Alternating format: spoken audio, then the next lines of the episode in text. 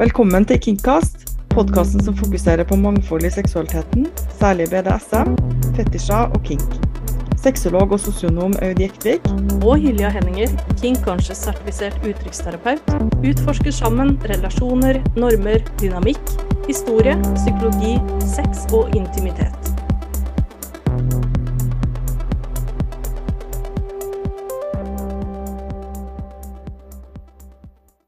Hei og velkommen til Kingcast med Aud og Hylja. I dag skal vi snakke om BDSM-ere har vanlig sex.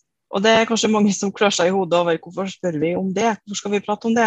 Men det er fordi at når jeg er ute og har foredrag og snakker om BDSM, så er det et spørsmål jeg relativt ofte får. Eller at når jeg sier det under foredraget, for det har jeg lært at det bør jeg si, så er folk overraska over at BDSM-ere kanskje kan ha vanlig sex. Det er jo litt morsomt, da. Uh, men, uh, men, først og fremst så tenker jeg det med vanlig, hva, hva er det? Uh, jeg vet det er en klisjé å stille seg det spørsmålet, hva er normalt, eller hva er vanlig? Men, ja, men de det... sikter vel kanskje mer til vanilje, gjør de ikke det?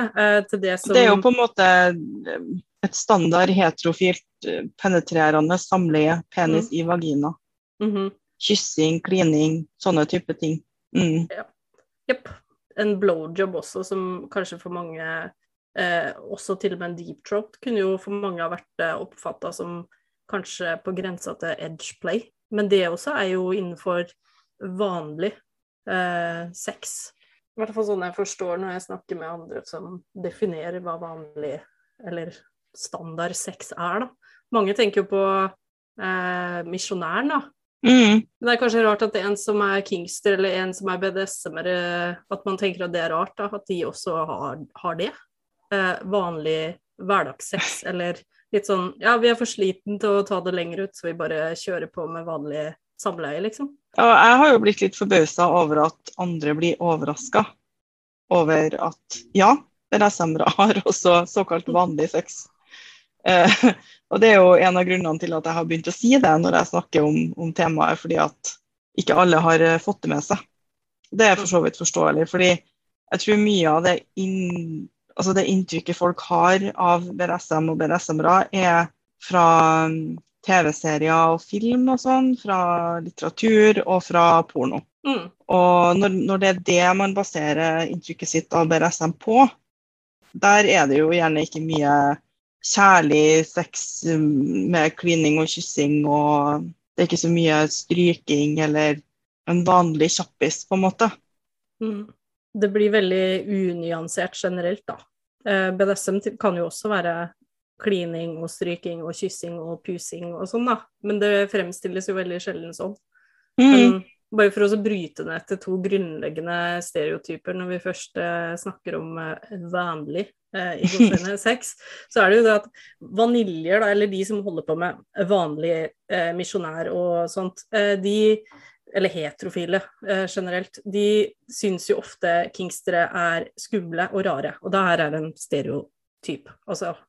Mens kingstere de syns jo ofte at vaniljer er lite eventyrlystne eller uh, kjedelig.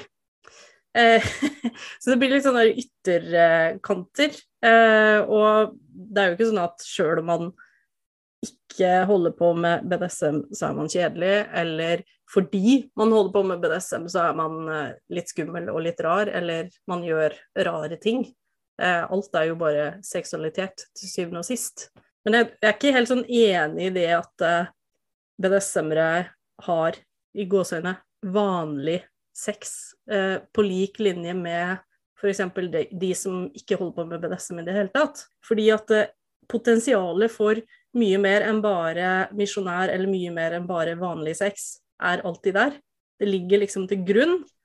Så min opplevelse, da, eh, det kan jo være jeg tar feil, men det er jo at eh, alltid når man har et vanlig samleie, vanlig sex, hverdagssex, kall det hva du vil, så er jo potensialet alltid der, som gjør at det alltid blir litt sånn ekstra spice i, i den vanlige sexen. Og alltid litt spennende, for det kan jo hende det kan jo hende det blir litt mer enn bare det. Ja, for hva er egentlig vanlig, da? Og det kommer jo an på hva slags BNSM-er man er også. Fordi noen driver jo med BNSM en gang i halvåret, eller uh, kun på fredagen, eller med én av de fire partnerne de har. Det vil jo si at man kan ha ganske mange andre typer sex i tillegg. Jeg mener jo at man, man er jo BDSM-er hvis man identifiserer seg som det, kaller seg for det. Mm. Uansett om man praktiserer eller ikke, uansett om man praktiserer ofte osv. Men jeg er jo også enig med deg i at om man er BDSM-er og har sex som for andre kan se veldig sånn standard eh, vanlig ut, så vil det jo ofte ligge i maktforskyving eller en sånn tone under der som gjør at det blir litt ekstra likevel. Det er jo det de gjør. Og generelt sett så, så er ikke jeg så veldig glad i bokssetting og kategorisering, men vi har jo snakka om det før her på Kingcast, at uh, det kan også være et behov for å gjøre det, for å f.eks. lettere kunne date, for å finne riktig partner, lekepartner osv. Fordi kink blir jo på en måte en sånn paraply som, som viser at du er, liker kinky handlinger, da, som f.eks. spanking, biting, klyper, rollespill osv. At du, du får det under paraplyen, og da blir det mye lettere å danne et bilde av hvem du er, hva du liker, uh, i stedet for å ta hele den derre seksuelle samtalen i forkant, uh, som kan bli litt mer omfattende. Jeg tror det blir en snarvei, da. Så jeg, jeg ser heller at det er en fordel sånn sett. Og å bokssette det litt som ordinær sex og kink-sex. Men det er en fallgruve der òg, fordi man kan jo ofte eh, også tenke at ordinær sex er kjedelig, og det er det jo ikke. Det er ikke sånn at kink er så veldig mye bedre. Jeg syns jo det personlig, da. Men det er ikke noe bedre enn eh, vanilje. Vanilje trenger ikke være et skjellsord.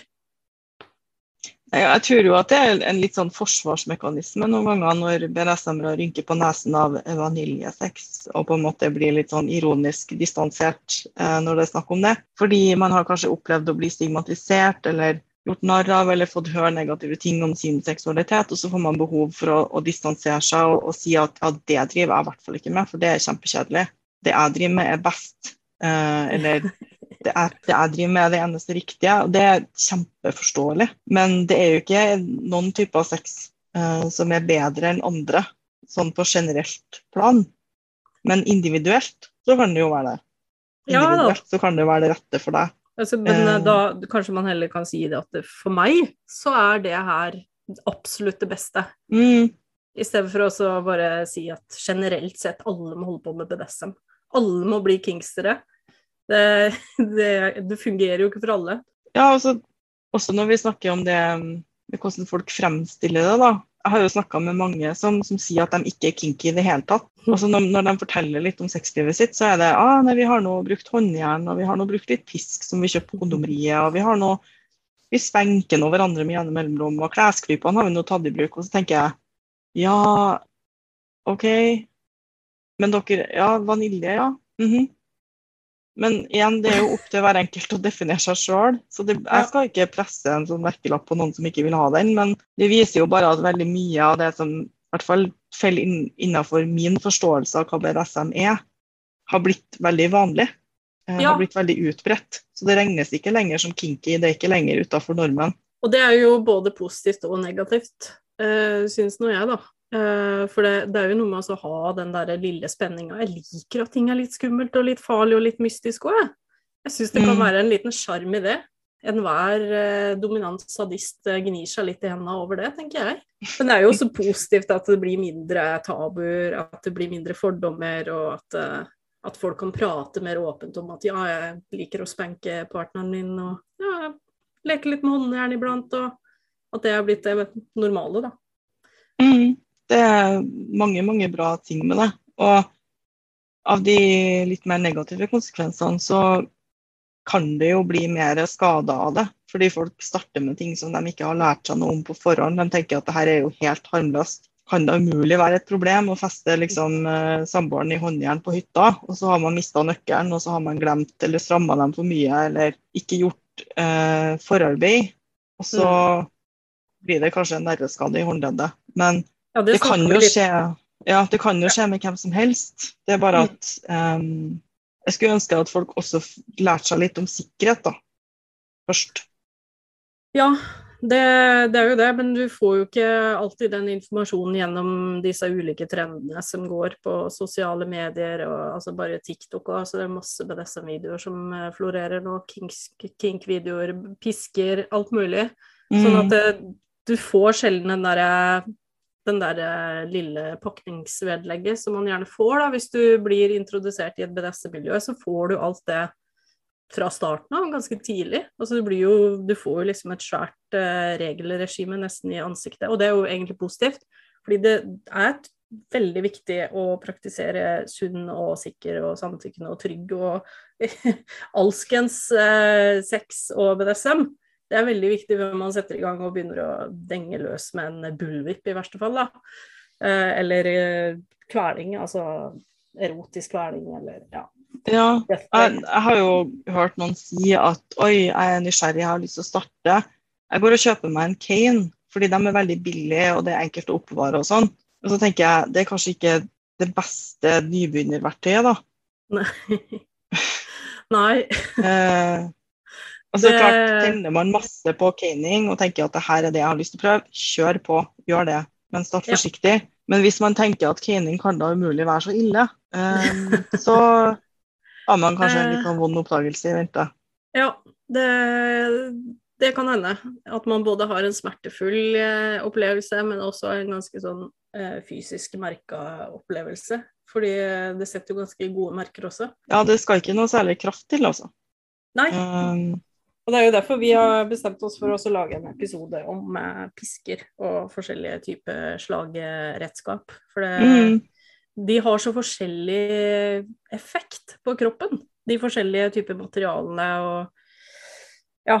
Det, så det, det, tror jeg vi må snakke om i en hel episode. For det mm. Og det er jo spennende òg. Pisk er jo gøy. Så. Pisk er veldig gøy. Men det er jo sånne ting som, som folk ikke vet, da, gjerne når man setter i gang. Og særlig hvis man kommer fra veldig normativ sex. Mm. Heterofritt samleie og så skal på en måte teste, og så vet man ikke helt hvor man skal begynne. Så er det lurt å ja, kanskje kalle det for BDSM, og tenke litt på sunt, sikkert samtykkende. Ja. For det, det, er også noe med at BDSM blir ofte framstilt som at det må handle om smerte, det må handle om dominans. Men BDSM kan også være veldig veldig omsorgsfullt, som du var litt inne på tidligere. Mm. Eh, det kan være veldig kjærlig.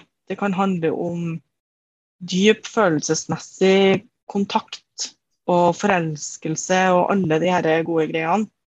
Det må ikke være kaldt og følelsesløst og eh, alt sånn her. Det kan være lekent, man kan flire og ha det artig i et rollespill. Alt det her. Og det er jo også viktige, viktige ingredienser i såkalt vanlig sex, da. Som jeg tenker at man så sjelden ser når man snakker om BDSM.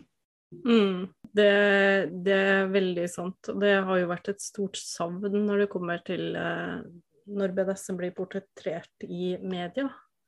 Eh, at de ikke ta med den delen der, som faktisk er en stor del av eh, BDSM. Og det ser man jo når man er på steder eller arenaer hvor det praktiseres BDSM, så ser man jo at her er det jo ikke bare pisk og eh, disiplin og strenghet. Det er også mykhet imellom. Eh, mm. Også både i aftercare og under, under eh, scenen òg, når man holder på med eh, BDSM og kink, og uansett om du holder på med avstraffelse, f.eks., så stopper man og sjekker innom òg. Bare sånn går det bra, eller sånn mm. si fra hvis du trenger noe, eller og tar hensyn, da. Og jeg prøver å være våken for partnerens behov hele tida. Så det, det, er jo en veldig fin ting med BDSM. Ja, man kan trøste litt, og, og, uansett hvor lenge man har holdt på med BDSM, eller hvor kort, så har man jo en hverdag også. Så det er jo helt vanlig at man har en hverdagsdiskusjon om hva skal vi handle på butikken i morgen, eller uh, har du vært og henta posten? Mm. Og så går man inn i på en måte rollene, eller inn i lek. Eh, og det er jo også ganske vanlig, uansett hva slags type sex man har. Ja. Kanskje kan man også blande de her hverdagstingene litt inn i leken hvis man vil. Mm -hmm. eh. Apropos det som jeg forteller, for jeg hadde jo for noen år tilbake en uh, lekepartner uh, hvor jeg hadde rolla som uh, dominant og vedkommende som, som submissive eller slave. Og så var det en gang som jeg dro på Coop Bygg for å kjøpe noe stæsj og greier. altså, jeg liker jo å bygge ting. Jeg liker å sette opp skap og lage alt mulig rart. Og så blir den personen her så satt ut over at jeg går i hverdagsklær. At jeg liksom ikke er eh, kinky 24-7. Bare sånn eh, Jeg tror jeg hadde noen sånne eh, joggebukse. Jeg går vanligvis ikke i joggebukse, men det hender jeg gjør det. og så bare sånn der standard, sikkert en stygg Henne som Maurits-T-skjorte. Og den personen blir nesten litt sånn herre tar den nesten litt personlig og blir helt sånn, veit ikke hvordan skal reagere over at jeg går i vanlige klær. Og ikke nok med det, men at jeg også er på Coop Bygg. Er du på Coop Bygg? Ja, du skjønner at vi dominante har vanlige liv når vi ikke er inne på å holde på med BDSM og disiplin og holde på med det. Mm. det vi har vanlig liv og går og handler mat på Rema og Ja da. Men det, men det, ser du jo ikke på TV-en. Det ser du ikke på film. Så ofte så kan man få et litt sånn urealistisk bilde på hva slags rolle man skal ha, da. Så jeg, jeg ble litt sånn satt ut av det. At eh, OK, er det sånn eh, enkelte kan tro man er? Eh, jeg er ikke streng hele tida. Selv om man ofte får den rolla òg. Det er sånn Ja, men du er jo så streng. Nei, jeg er også veldig snill òg. Å, herre min. Nei, det er litt morsomt, da. Men man får jo disse rollene Det er litt morsomt, men ja, det viser jo bare at det påvirker jo oss BDSM-ere også. Denne myten om at BDSM-ere ikke driver med sånne vanlige, prosaiske hverdagsting. Ja. Og i alle fall ikke såkalt vanlig sex. Mm. Eh, for at mm, en person jeg kjenner snakka om at hun hadde hatt en uh, submissiv partner som hun hadde bedt om å pule seg, rett og slett. Ta meg bakfra. Mm. Mm. Og han var blitt så satt ut. For at Domina skulle jo ikke like sånn sex. Domina skulle jo ikke like å bli penetrert. Mm. Uh, og det har vi jo snakka litt om, om den dominante rollen. da, At mange ikke forventer at man har en hverdag, som du sier. At man har utfordringer i livet. At man kanskje sjøl kan trenge litt trøst og litt oppbacking. Mm. Uh, at man ikke er perfekt, har kontroll på alt. Og at submissive ikke alltid har lyst til å adlyde eller til å, å, stå på pinne. Ikke har tid til det. Man har kanskje jobb, studier, man er foreldre. Alt det her. Andre prioriteter. Så ja. det er også en ting, da. At BDSM-ere kan noen ganger, altså sjeldnere, da, men noen ganger tenke at man ikke driver med sånt. Altså såkalt vanlig mm. sex. Og det er jo en veldig sånn uh stor rolle, og egentlig litt sånn trang rolle, å både få og tidvis også ta på seg. Eh, så man må prøve å være litt våken på og ikke låse seg inn i. fordi det blir, det blir, litt sånn urealistiske forventninger til en person. Som eh, man, man, er jo dømt til å feile. Fordi man er jo mye mer enn bare dominant kvinne, f.eks. Eh, hvis det er det det er snakk om. Eh, man er jo mm. også man har mange andre roller som man er nødt til å spille ut i livet sitt og leve ut for at ting skal gå opp. Og hvis man blir låst inn i en rolle, da, så kan det bli i hvert fall for min del, jeg opplever det som kanskje litt kvelende, og jeg mister inspirasjonen, og jeg mister gleden med å ta på meg den rolla. Eh, for da føler jeg nesten at jeg blir i en sånn 24-7-man, og da bare går tenninga fra 100 til 0 på null komma niks. Mm. Så det er jo litt det òg. Eh, hvordan behov Hvilke behov man har i den relasjonen. At man i hvert fall må snakke om det. At alle parter må velge å være i rollen når man er i rollen. Mm. Uansett. Og vite når man går ut av rollen. Mm -hmm. Hvis man gjør det, altså hvis man ikke har et sånn type 24-7. Men i realiteten så er det veldig få som har det. Eh, og særlig hvis du har barn også, eller andre forpliktelser. Så så er det i så fall noe som bare ligger til grunne, men som ikke leves ut rent sånn fysisk hele tida. Det er jo mm. praktisk umulig, faktisk. Ja, det må jo ikke være veldig synlig heller, da. Men jeg, nei, nei. Det, er ikke, det, er ikke, veldig mange som har det sånn. Og at jeg har inntrykk av at også de som lever i 24-7, må jo legge det fra seg. Altså, eller gjør det, da. Man legger det fra seg når man er på jobb, man legger det fra seg når svigers er på besøk. Mm. Kanskje har man et collar under klærne eller noe sånt. Men det, det er ikke um, synlig for folk som ikke skal eller, uh, eller vil delta i den typen lek, eller som man ikke vil dele det med. Det er naturlig, tenker jeg. Mm. Det er jo det. Men det er rart det der, altså hvordan så mye som, som vi da ville ha definert som kinky, i dag eh, bare kalles enten mote eller har blitt en del av eh, det som er vanlig i, i eh, sosiale medier, f.eks. Snakka med en, eh, en eh, jente på barneskolen, faktisk, som hadde oppfatta det at på TikTok så var det veldig mange som brukte chokes, kalte hun det. Mm. Eh, og det er jo det vi egentlig Altså, det er jo noe vi ville ha kalt for et BDSM-utstyr. Eh, Ja, ja. I stor grad. Og det, det har blitt helt vanlig, sånn at eh, visstnok så er det veldig mange som bruker chokes eh, som en del av motebildet. Og det syns jeg er litt eh, problematisk. Um, fordi at du får jo ikke, som det vi snakka om i stad, den, den trygghet og den sikkerhetsdelen med. Uh, det blir et uh, Og så er det også hva det signaliserer. Hva det signaliserer til andre, og veit de egentlig betydninga av det. Vi har jo tidligere, har tidligere snakka om hvordan eh, en jeg kjenner eh, gikk ut som ganske ung med et kollar på, eh, et slavekollar, og opplevde skikkelig mye ubehagelige kommentarer fra da særlig voksne menn, godt voksne menn, Mm. Eh, som ikke skjønte da at det her var et slavekollar. Det er ikke greit uansett, tenker jeg da, om du går med slavekollar eller ikke, men det er Veit du hva du egentlig signaliserer, veit du hva du går med? Eh, Mm. Hvorfor har det her blitt mote? Er det greit at unge jenter går med det? Altså hele den diskusjonen der. Og det er vanlig, da, dessverre. Det har tydeligvis blitt vanlig. Eh, og jeg syns det er litt Jeg syns ikke det er helt bra. Så det er jo ikke alt som er når det er sånn. Når det er sånn påkledning, da, så tenker jeg at det, det må jo være greit. Uh, selv om det er forvirrende for de av oss som er BDSM-ere. Og hvis jeg ser en, en veldig tiltrekkende person som som går rundt med collar, så tenker jeg å, så heldig den Mm. dominante er, på en måte. Og så går det Mm. opp for meg at det er jo slettes ikke sikkert at den personen driver med BDSM i det hele tatt. Langt mindre aid fordi om man går med, med collar i dag. Men når du sier choke, tenker du da på ei sånn løkke med en pinne i enden? Som du vrir på? det var det jeg for, Ja. fikk eh, forklart. Det det, det har eh, Ja.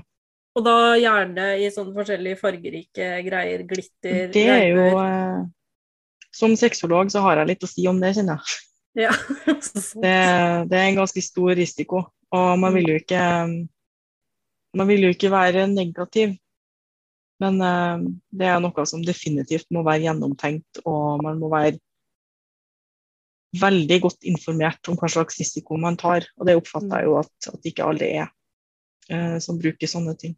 Mm. Det er jo det som jeg ser på som litt skummelt med Hvis du har mennesker da, som identifiserer seg veldig tydelig som ordinære, eh, vanlige mennesker i gåseøyne, veldig gåseøyne, Mm. eh, som holder på med det jeg og du kanskje ville ha definert som kink eller BDSM, og ikke vil vedkjenne seg at de faktisk holder på med det, fordi at det er tabu, det er stigma, det er fordommer knytta til det å være BDSM-er ennå.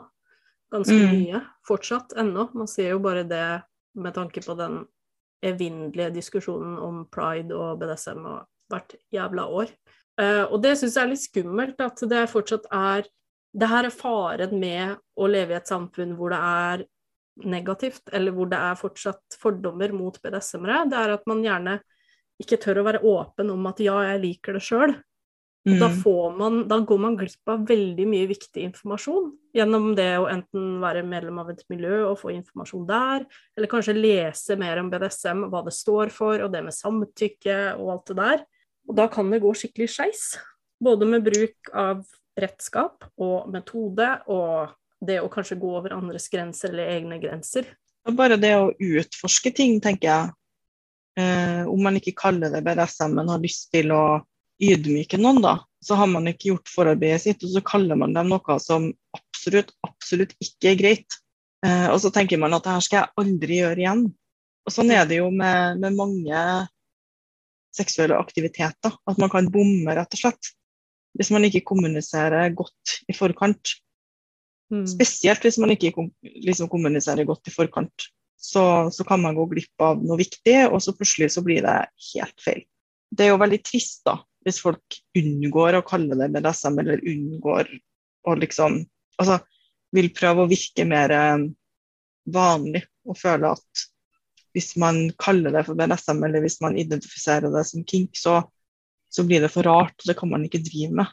Ja, så det er kjempeviktig mm. med det med åpenhet for å også kunne oppsøke informasjon. fordi hvem har lyst til å bestille seg en bok på nett, eller spørre om å få lån på biblioteket, eller hvis du tenker at nei, det her vil jeg ikke identifisere meg med i det hele tatt. Og så ser man jo i sosiale medier òg det som blir vist, f.eks. når man er på Fetlife og scroller gjennom uh, feeden sin der, så er det jo veldig mye flotte bilder med ofte mye fetisjtøy, med intrikat bondage, med kompliserte greier. Og det er klart, det man legger ut i sosiale medier, er jo gjerne det som er tipp topp og flott, og som man har brukt mye tid på og har lyst til å vise fram. Men det er jo litt sånn en blowjob Altså, noen syns jo faktisk at det er for mye blowjob og såkalt vaniljesex eh, på Fetlife mm. også.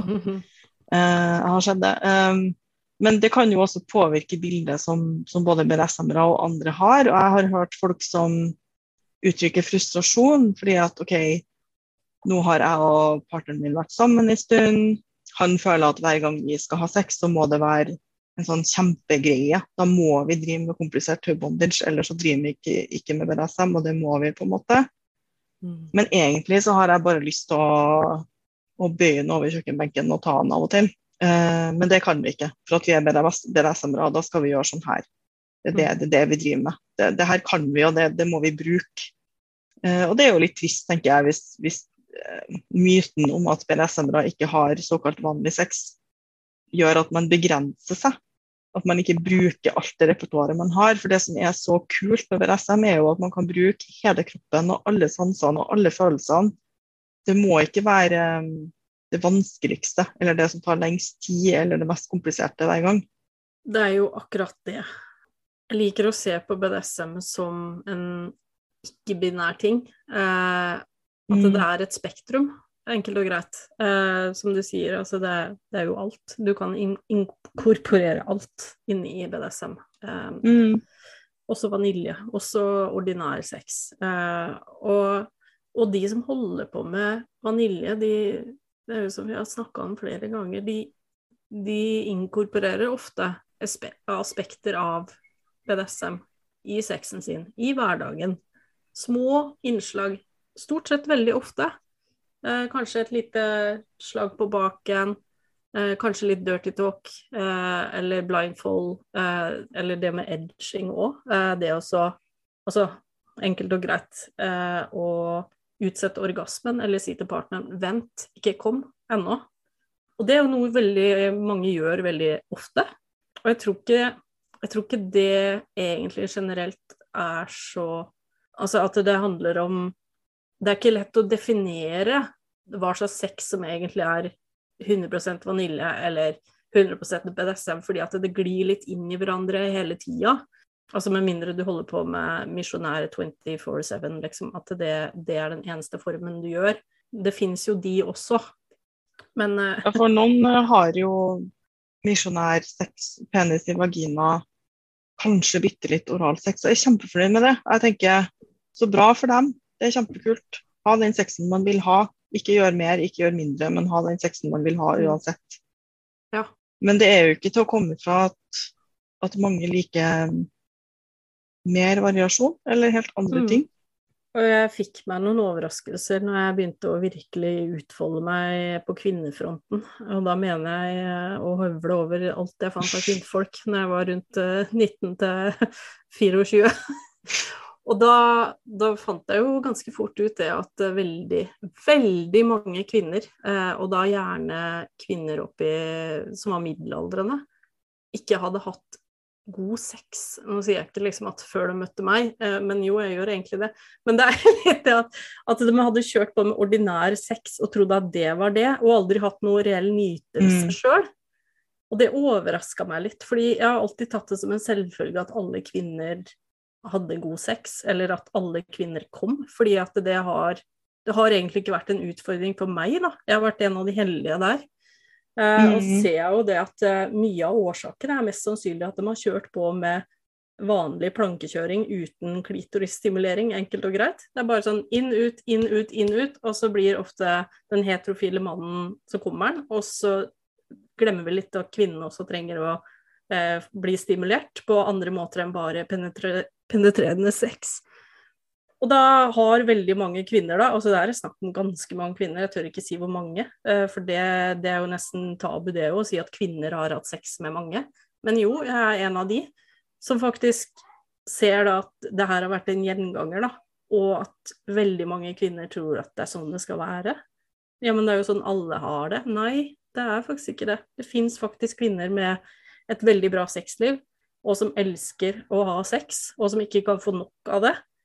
Men det virker som at eh, de kvinnene som bare får veldig ofte hodepine og bare syns at det er kjipt, og hvor du hører at menn syter på sånne tråder på Hvis du søker opp 'Kjerringa vil ikke mm. ha sex med meg', eh, 'hun har alltid vondt i hodet', eller eh, et eller annet sånt, så kan du begynne å stille deg spørsmålet har du tatt hensyn til kvinnens behov her, eller bare dine? Uh, og hvis det er sånn type vanlig sex, så sier jeg bare nei takk. Men jeg tror kanskje ikke det er det det betyr, da. Men det, det, kan nok være en del av opplevelsen for mange, men det er nok ikke en del av definisjonen.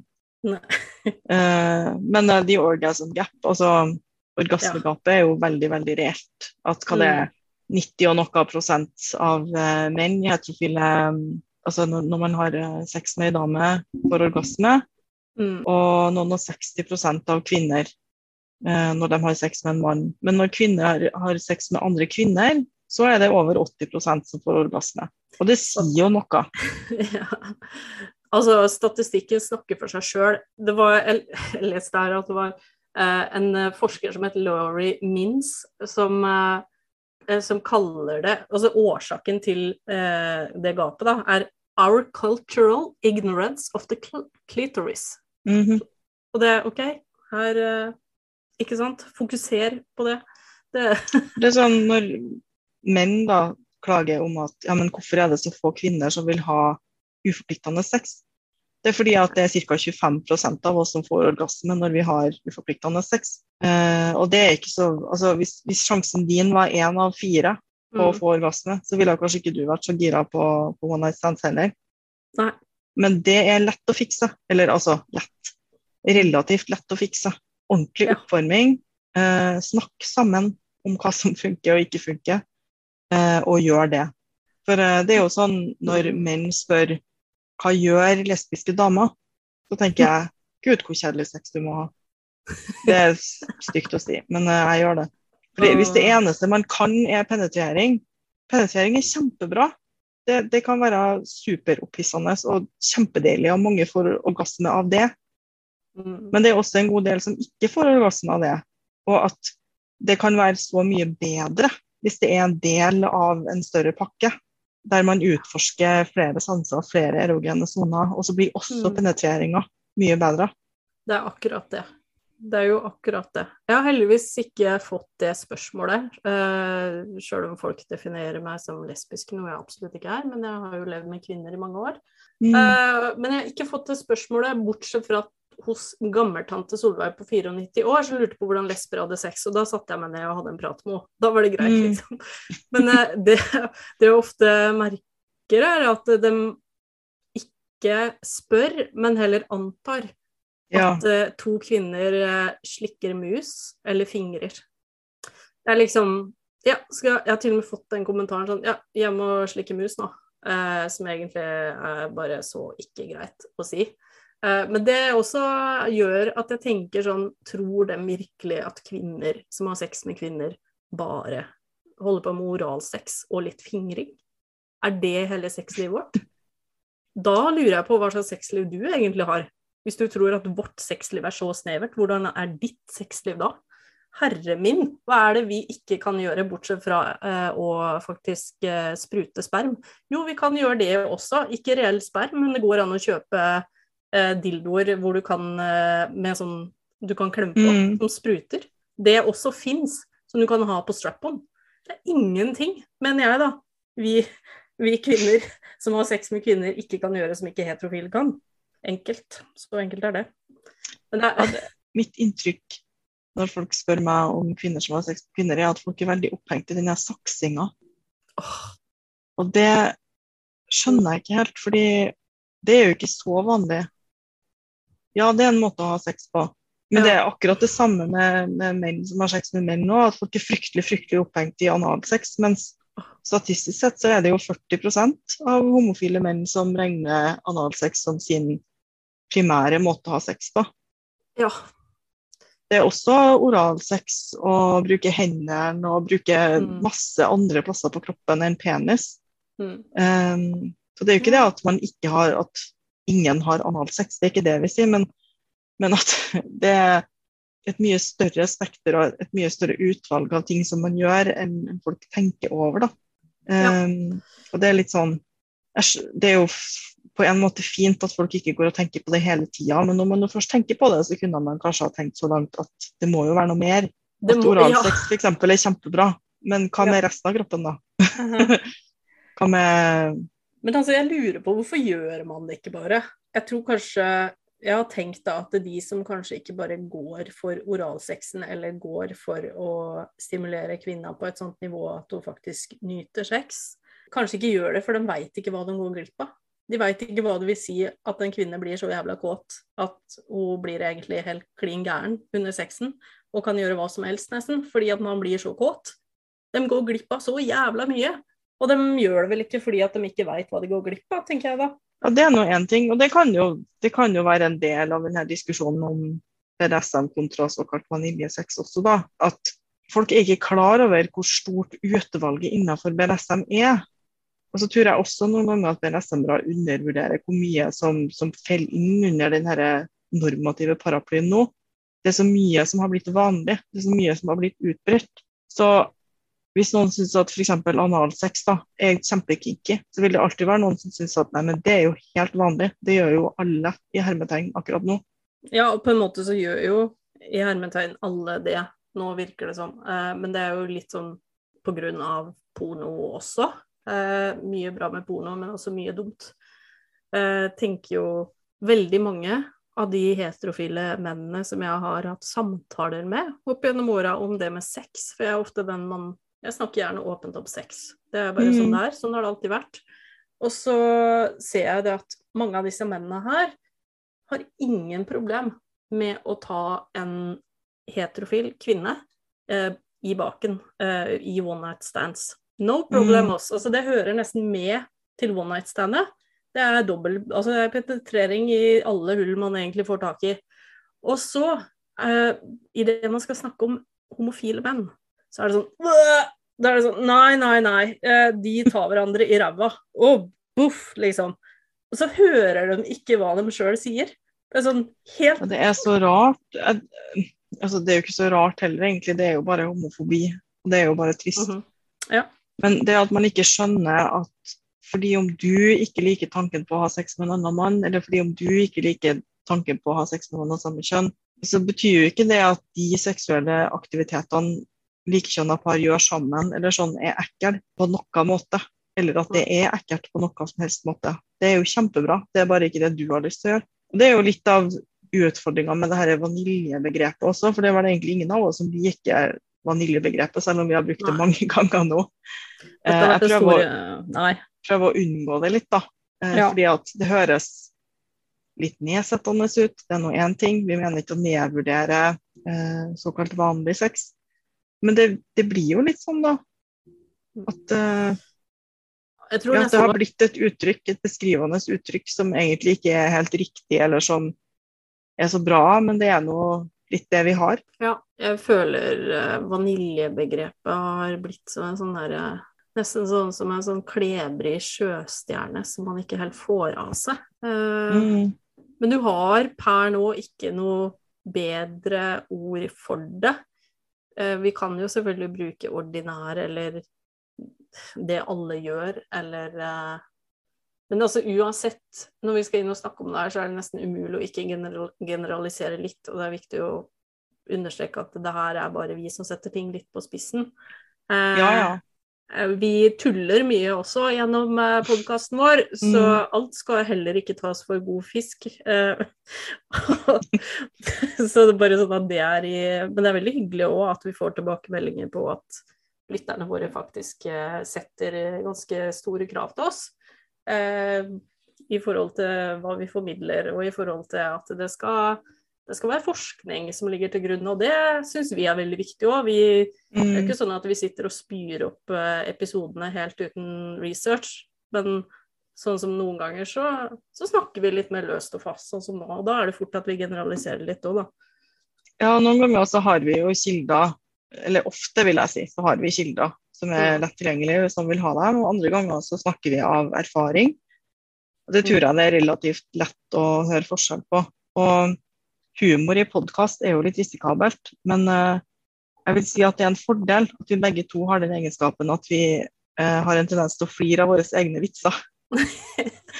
det er lett å identifisere når vi tenker at vi er morsomme.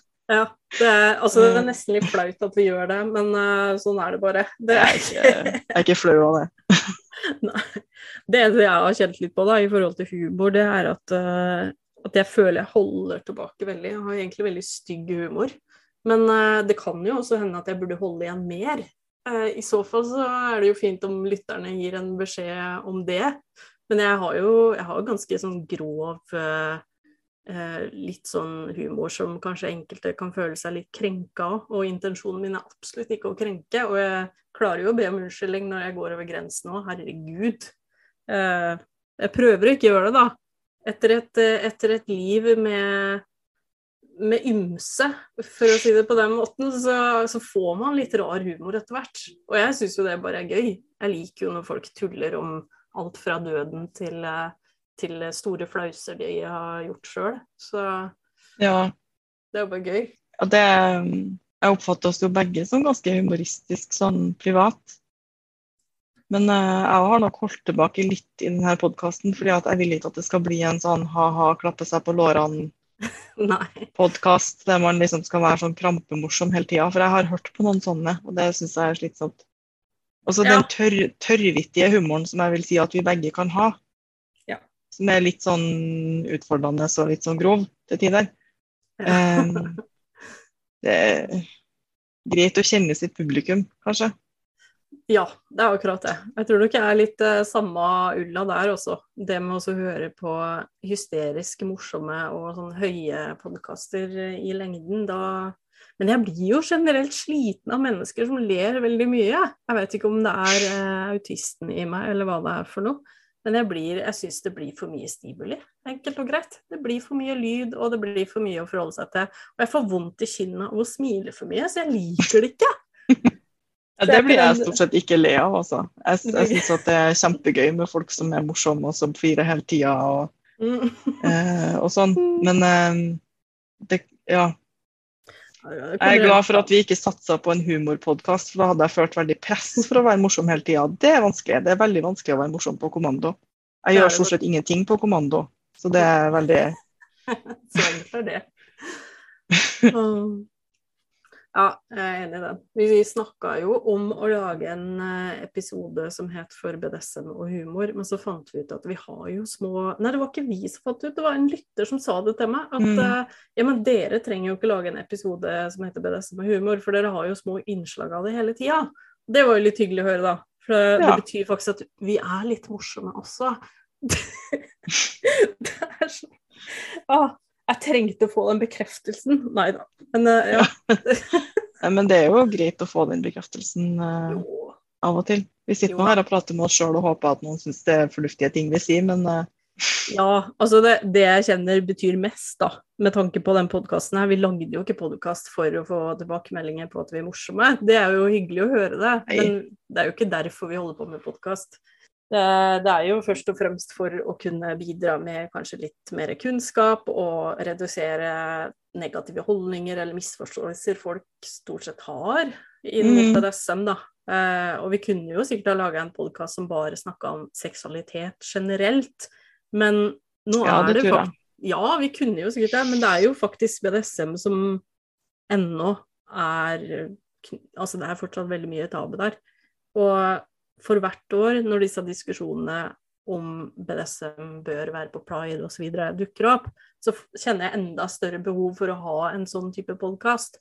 For jeg ser at mm. det, det, er det behov for når man fortsatt blir ekskludert for å bare uttrykke egen seksualitet, eller bare være seg sjøl. Bare at folk kan lytte til det her som et slags sånn trygt rom, da. Det er ikke så mange dessverre som har anledning til å snakke fritt om sin BDSM-interesse med masse kjentfolk og bare kan føle seg helt avslappa. Det blir flere eh, og mm. flere, og det er veldig bra. Men jeg har fått tilbakemelding fra lyttere om at det er godt å bare høre at vi prater som om det er noe helt hverdagslig. For det er jo det. For oss mm. er det helt hverdagslig. Men vi forstår at sånn er det ikke for alle. Nei. Ja. Det, og vi har jo mange lyttere som er veldig tydelige på at de ikke identifiserer seg som kinky, men syns det er veldig spennende å ta et litt mer dypdykk inn i seg sjøl og undersøke er det noe av det her jeg kanskje liker, eller kanskje har jeg noen sider som har lyst til å utforske det temaet her, fordi de lytter jo tross alt på den, akkurat den podkasten her også. Så mm. Og det er jo fint, for det er jo ikke en podkast for kingstere, det er en podkast for alle som har lyst til å høre på og undersøke det mm. aspektet her ved seksualiteten. Og ja. Men nå begynner vi jo faktisk å nærme oss eh, avslutning på den eh, episoden her. Det var én ting til jeg hadde lyst til å si i forbindelse med om BRSM-ere har vanlig sex. Mm. Og det at jeg har snakka med flere BDSM-ere som når man er forelska, så får man utfordringer med å drive med BDSM. Særlig gjerne smertelek. At når man er forelska og er så full av alle de her hyggelige kjemikaliene og bare hjernen er fullstendig overskjønt, så, så, begynner man å tenke at oi, jeg har ikke lyst til å på en måte gi smerte til denne personen, eller hvis de ser lei seg ut, så takler jeg det ikke. og Alt er så intenst, kjempeintenst. Ja. Eh, men det må jo være helt lov å ta en liten pause hvis man kjenner at nå er det så mye som skjer i hodet at, at det er nok. Og så kan man eventuelt ta opp en SM-en igjen etterpå. Og så har man jo heller ikke den typen kjemi med alle. Og det må være greit. Altså Så lenge man syns at den sexen man har er givende og tilfredsstillende og bra, spiller det ingen rolle hva du kaller det eller hva du driver med. Nei. Det, så lenge det er samtykkende og alle er fornøyd, så hvorfor Hvorfor fikse det når det ikke er ødelagt? Men jeg kan forstå den panikken, da, særlig hvis man har drevet med BDSM en stund, eller nettopp oppdaga det og fått stor glede av det, og så går man inn i et forhold og kjenner at nei, nå har jeg ikke lyst til å gjøre det. Hva betyr det? Mm -hmm. eh, men det betyr sannsynligvis bare at du er nyforelska, og at det går over. det hadde jo vært veldig gøy å snakke mer om. Men vi skal jo Ingen grunn til panikk. Ja. Nei, don't panic. Da kan man ha vanlig sex da, en stund. Til man liksom ja, ja. og det er jo bare digg, det. Mm. No problem. I dagens episode av Kingcast har vi snakka om BDSM-ere har vanlig sex. Og hør gjerne oppfølgingsepisoden, en veldig kort episode som kommer etter denne her, eh, angående hva vi egentlig mener med vanlig. Så må du gjerne følge oss på Facebook for oppdateringer for memes og både humor og alvor. Og vi setter veldig stor pris på at du, akkurat du, sitter her nå og lytter på Kingcast